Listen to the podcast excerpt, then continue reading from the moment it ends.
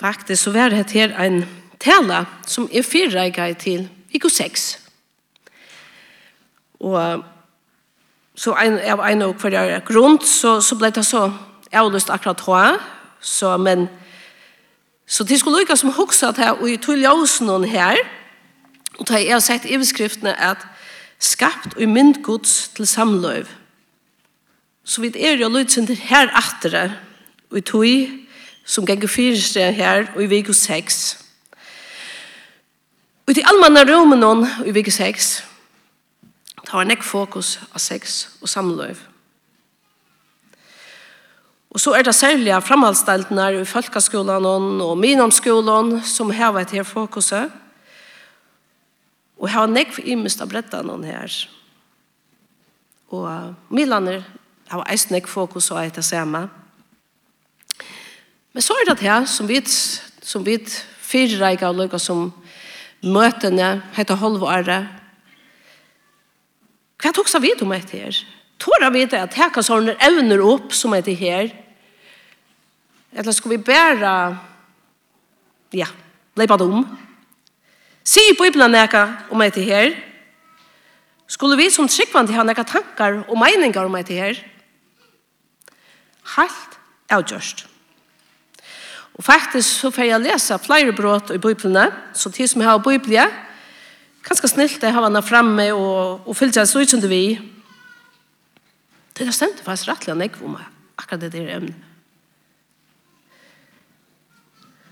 God legger langt i, i året så innan, her i, i kapittel 1, i første Mosebok og 2, grunden til samløv og 6. Og så i oppenberingen, her hører vi om et brittlopp som er i middelen lampe og brorene. Hette er Kristus og samkommet. Så stakt er hetta noe helt sérstakt og heilagt. God sjálfur brukar faktisk hesa sérstak og mynd for å løse akkara samband vi han. Så fyrst i bøyplene, og sørste bøyplene, karmaner, og negg fjærmiddelen. Så først så færre vi til første biblene. Hvor er jeg? Er jeg så særstak? Særstak hvor? Og vi får hitte at versen noen her i første Mosebok, kapittel 1, og eisen i også i kapittel 2. Hvordan er det skapt? Hvordan er det skapt der? Hva er ikke god vi mer, og akkurat som skapninger, og i akkurat samløyve? Og hvis vi tidsje er kapittel 8, første Mosebok, ørende 26, og så leser jeg han kapittelen littnan, så tid som jeg har blitt opp, kapittel 8, og ørenden her fra 26. Så sier Gud, let i okkon gjøre menneskje, og i bøyla i okkara, til å være okkon loik. Så skapte Gud menneskene, og i bøyla i søgnen, og i bøyla i Guds skapte han henne, som mann og kvinne skapte han teg. Og Gud sikna i teg.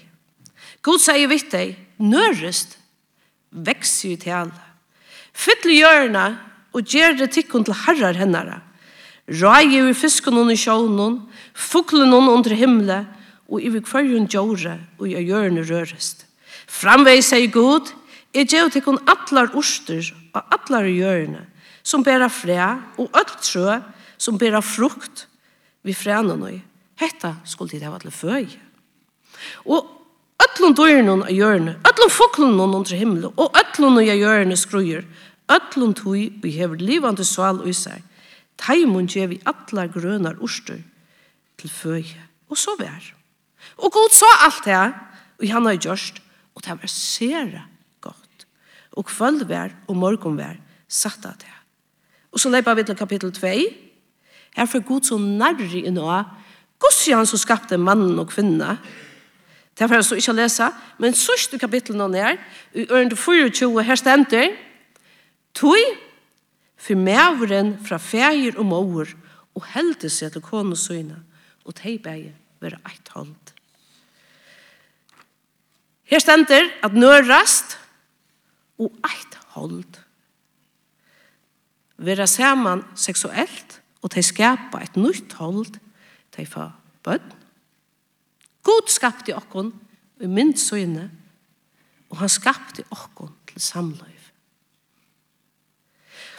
Så færa vi til hin endan av biblene. Her vi suttja hva for å henda heima til god enn det, heima i himmelen. Og her skal det letja at jeg kunne gjemme myndene som god brukar.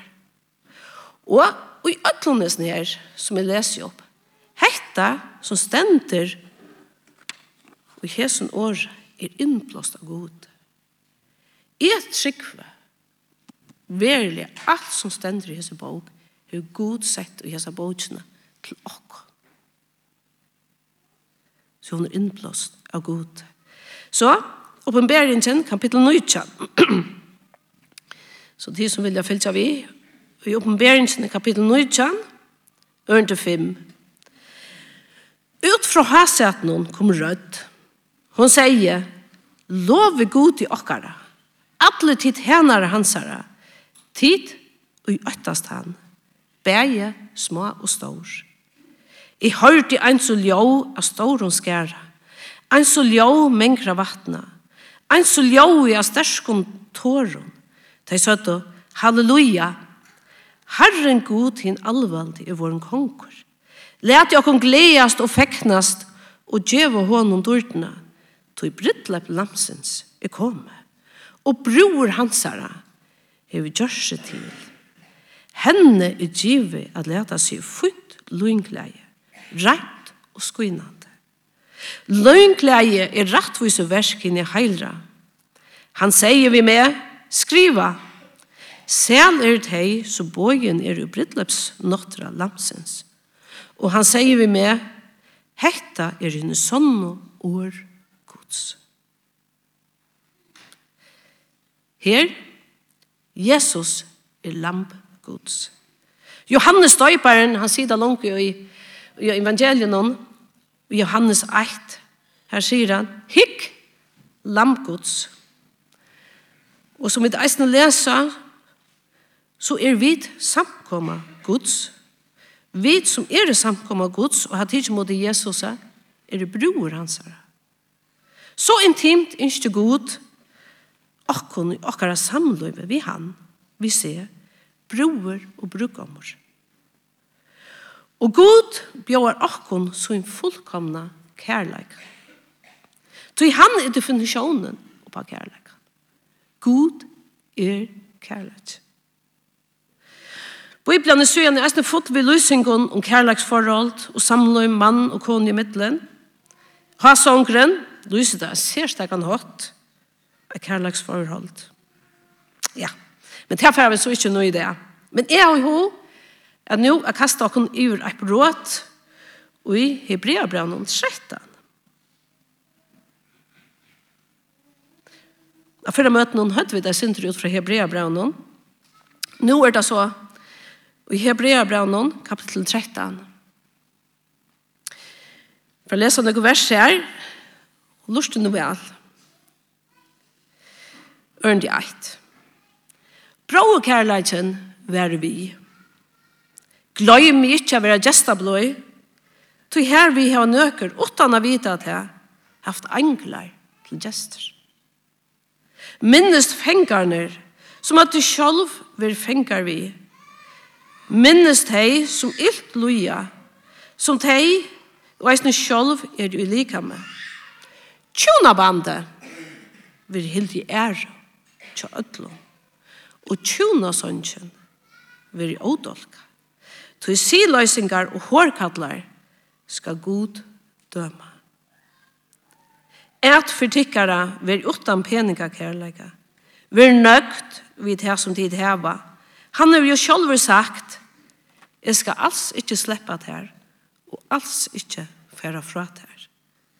Så vi kunne si at vi frie måte, Herren i hjelper min, jeg skal ikke øktast. Hva kan mennesker gjøre mer?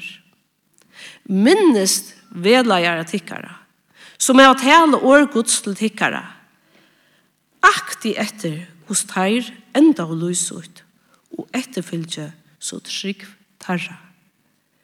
Jesus Kristus er hin samme i jar og i det og i atlar efer. Konteksten her, Hebreabravet, Anken veit vi visse for å skrive etter. Det er minska gittingar. Og anken veit ordelig vi visse og kvant i til tau. Det er jo hebreere brev. Og hebreere er et annet år for jøta, eller israela. Så hette er skriva vi utgangsstøy til jøtar og tarra livs grunnstøy.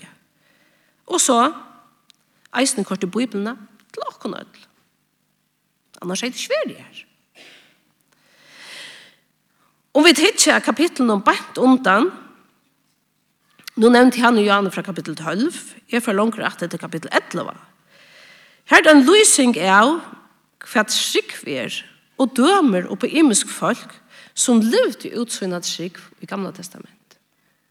Så hvis de leser det her, nekva de kunne kjenne det, nekva het Moses, Moses, Josef, nekva imisk nevnt her. Og så var det her, i kapittel 12, tar det her at hitja av Jesus. Jesus sleppa syndene, og som vers 15 sier, Suttje til at ånden viker fra nøygods, at ånden basker råd vekser opp og gjør skia, og mong vil ha dolka av henne. Og i her som versen som nu er og leses her fra kapittel 13, 1-8, her er nekvar imiskar ameningar, leina gjør opp. Og for nesten Først eneste vers kan man lukka som seta en iveskrift. Og etter her. Kapitla, nei, vers 1 til om brau kærleika, slektskærleika, brauer i herranen. Kapitla, nei, ørende 2 at man vera gesta bløy og englar. Her øyla stor evne for først vers. Troi, fengar som loja for tryggsøyna. Fyra, det leiby så ombæra nå. No. 5 og 6, til penger, nøgtsemme, trygg, tjei, veleier okkara, og at etterfylltja. Åtta, her det Jesus. Hetta verset verilig setter alt det av avnevnta i et evet perspektiv. Og her vi eisne er nutøya perspektiv, og et Jesus perspektiv.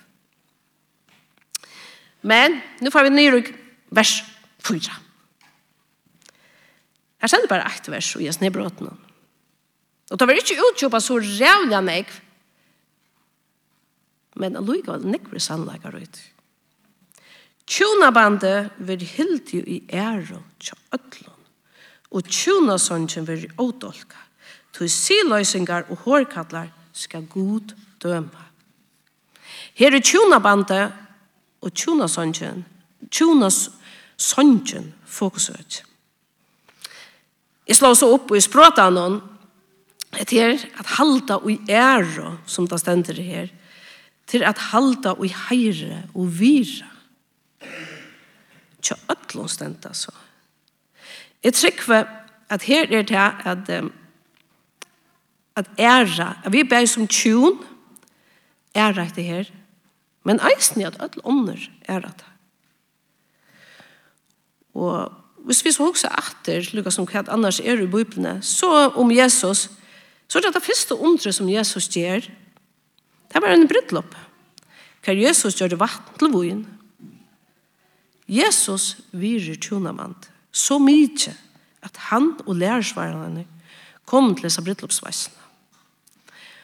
Og god til å vilje hette så mye at her kom i år hansara. i bibelna som det første undre. Og gjennom brudlopp. Tjuna sannsjen veri ådolka. Så slå vi eisen opp av hoksforskjellet og i en enska tøying som heter NIV, her stenda, The marriage bed kept pure. Altså ådolka, rein, Hette er ikke det at lærte ikke man blir fysisk skid. Første parster av setningen er jo at halde ære og vira. Og så kommer det her, som er ønskene eisen stender, pure, til nekka vi regnleika og mun til tjunarband. Settene helt av versen hon, her stender så siløysingar, hårkallar, Det er sånne merkja i året teka av munnen. Så de atter siløysingar vera i språtanen omsett til omoralsk person. Så sender hårkattlar. Og hessar skal god døma. Et vers som jeg langt har sagt, og jeg bråter i Bibelen, kan omgang til standa ensamalt. Det skal alltid tolkast saman. Ta oss og nøk i kunne, jeg vil ikke men som heilt så tolkar du alltid biblina vi biblina. Og hetta vi er så hukt, jeg sender etter. Og vi kjenner alt det tog på inn. På sex. Du måst ikke driva hår. Det sender Ørmåsbak 2014. Så er det eisen i åretøysen om kapittel 6. Her er en rettelig tankeavgjørende kapittel. Vi må akkurat hette evne. Og her har jeg faktisk finnet Karl til å lese det opp for meg. Så lurte nå, og fyllt vi opp i skjermen, og her får de tekstene eisen. Vi ser det bare fra. Sånne min, være år og gå inn på mine tjatt her. Halt på mine, så skal du livet. Væra som egna steinen til og i lærer til.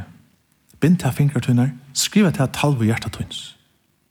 Sier vi vursdommen, to er systemoin, og kalla vite vinkuntunna. Så til væra til frikon og annars mans, fra fremadar kvinne vi slasken åren. Tøy hukte ut om vindeia av husamunnen, ut med rimanar, og middelen henne årende sa i unglinga. Jeg leit til merkist middelen henne unge og en vi unge kile, Han gikk etter gøtene vi hatt den her som hun boe, tøk løgnet til huset henne. Og i skuimingen var det kvöldet til en natt og myrsko kom.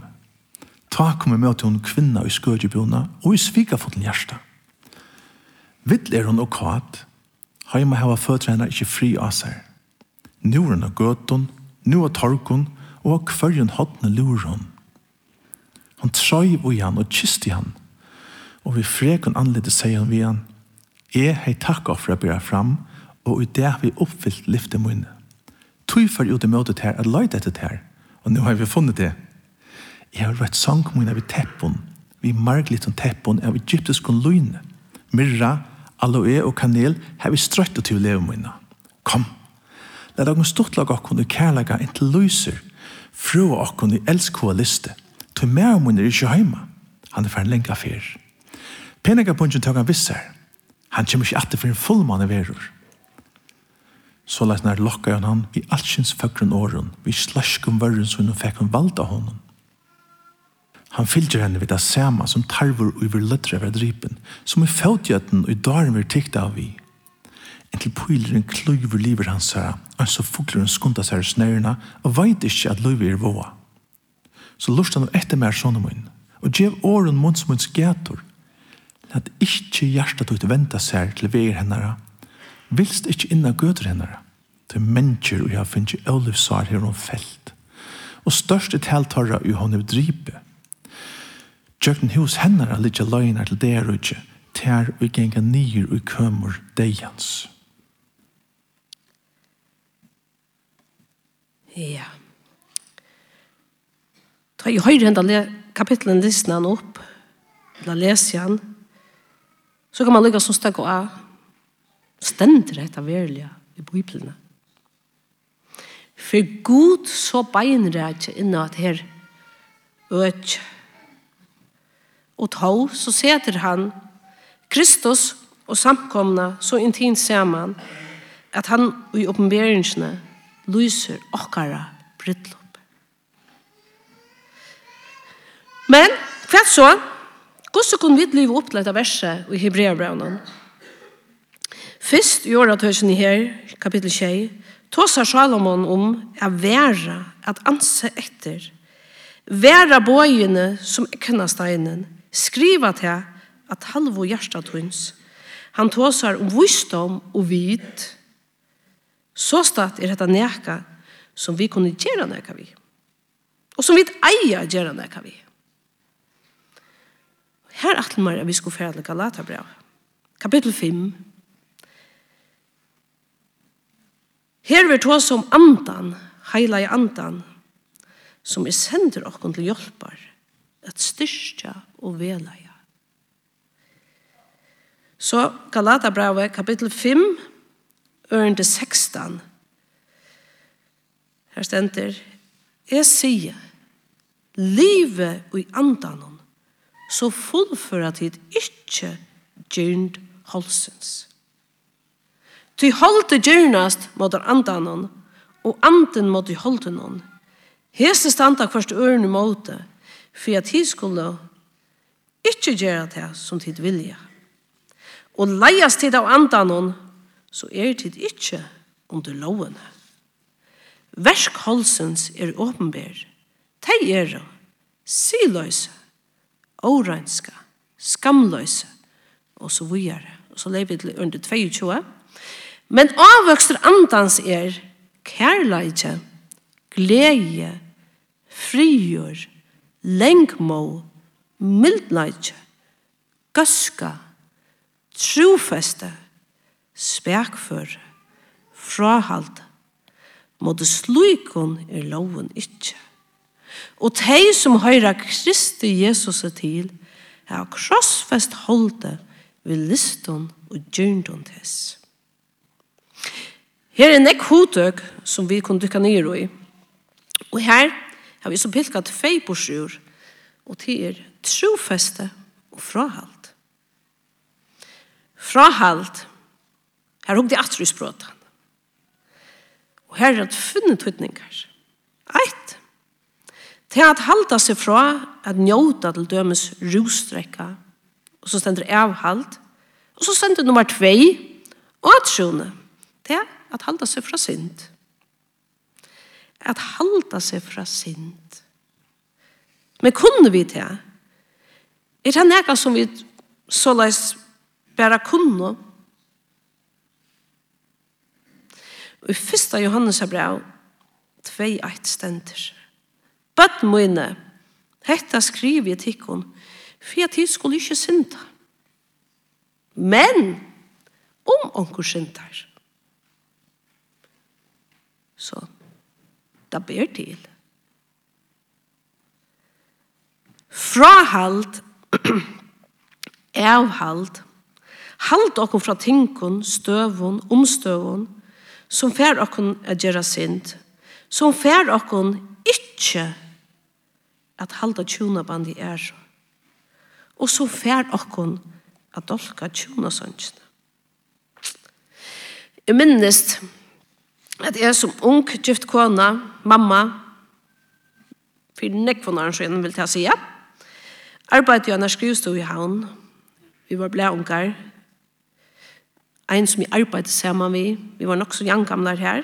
Hon, eisne gift og mamma, Vi pratar om så ofta om imist i gerandsløyvene. Og vi fann unga de ordelig det av om hun tar Jack av møte eller ikke. Det var noe som hver hun var andalega kjente han ikke så mye vel. Men så sier hun en ena fyrir om en vimmann som hei kone og bøten. Jeg skiljer ikke for han for ensam at det er bojen et leia kvöld og utsette seg for frestingen.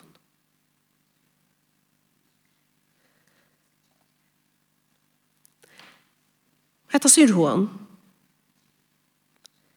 Jeg pleier å sende overraska.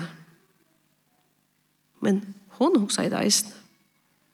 Så hetta er ikke avkjent. Hetta er at utsetta seg sjálvan for frestingar. Hver man så enn er i løyven hon. Om man har sånne daglig gang, eller vikelig gang innan kyrkjevegg, samkomvegg, eller ikke. Væra hjärsta tutt. Som sagt, heter er døme som er ganske 30 år, 18 tøyene. Og jeg vil si at det er ikke nemmere i det, dette her, vi ikke hadde utsettet seg for frestinger. Frahald, avhald, tøltan, hva leida vi fram her? Hvem leida jeg fram her? Jeg valgte eisen trofeste. Borsdur avvokst andans. Avvokster andans i Galaterbrev 5 relaterar til alt løyve hins tryggvand. Så her, i som samband nå knyter jeg det her til samløyv.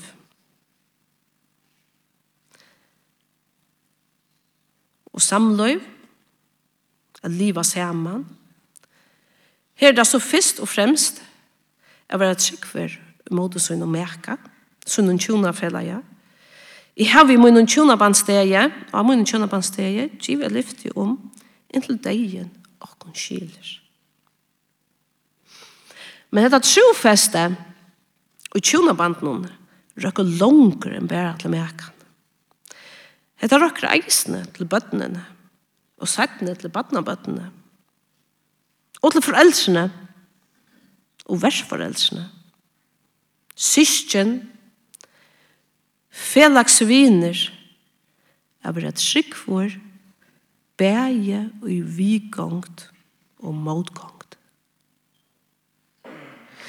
Men jeg vet eisne vel at det ikke alltid ber til at liv ikke bleiv som ein atleid her.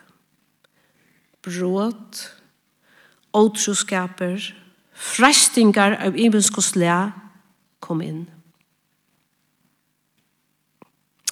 Jeg får enda vi at det er en fortelling i Bibelen som omhandler akkurat dette. Så lurt han vel. Det er faktisk fra Johannes 8, ørentene 2 til 11. Johannes 8, 2 til 11.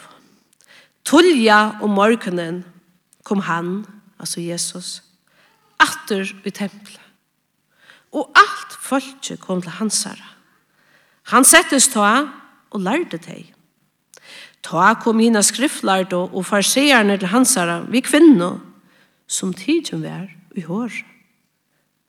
Tar leidt henne fram fyr han, og søtte vi han, meistare, hendan kvinnan hever driv i hår. Hon er tidsen og gjerne. Så jeg trykker virkelig at hon heie drive hår.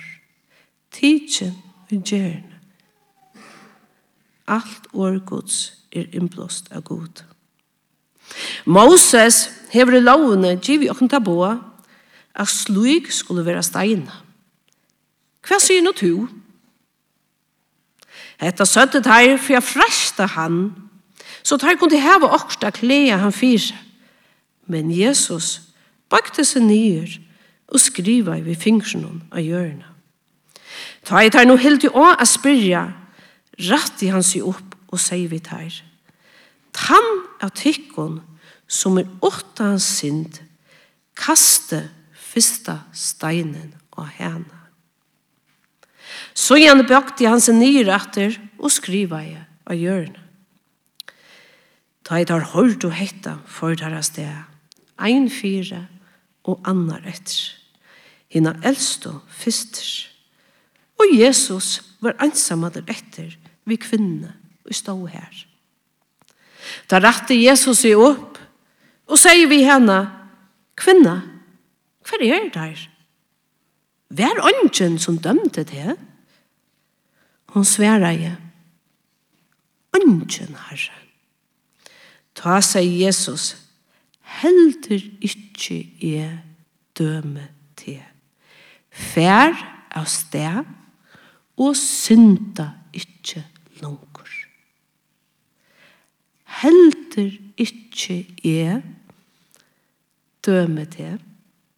Fær av sted og synda ikkje langur. Tja Jesus er tid, etter Jesus perspektivet, fyrr, nu og til evige tøyer. Tja Jesus er alt og alt og rum for når nødgjere byrjan. Amen.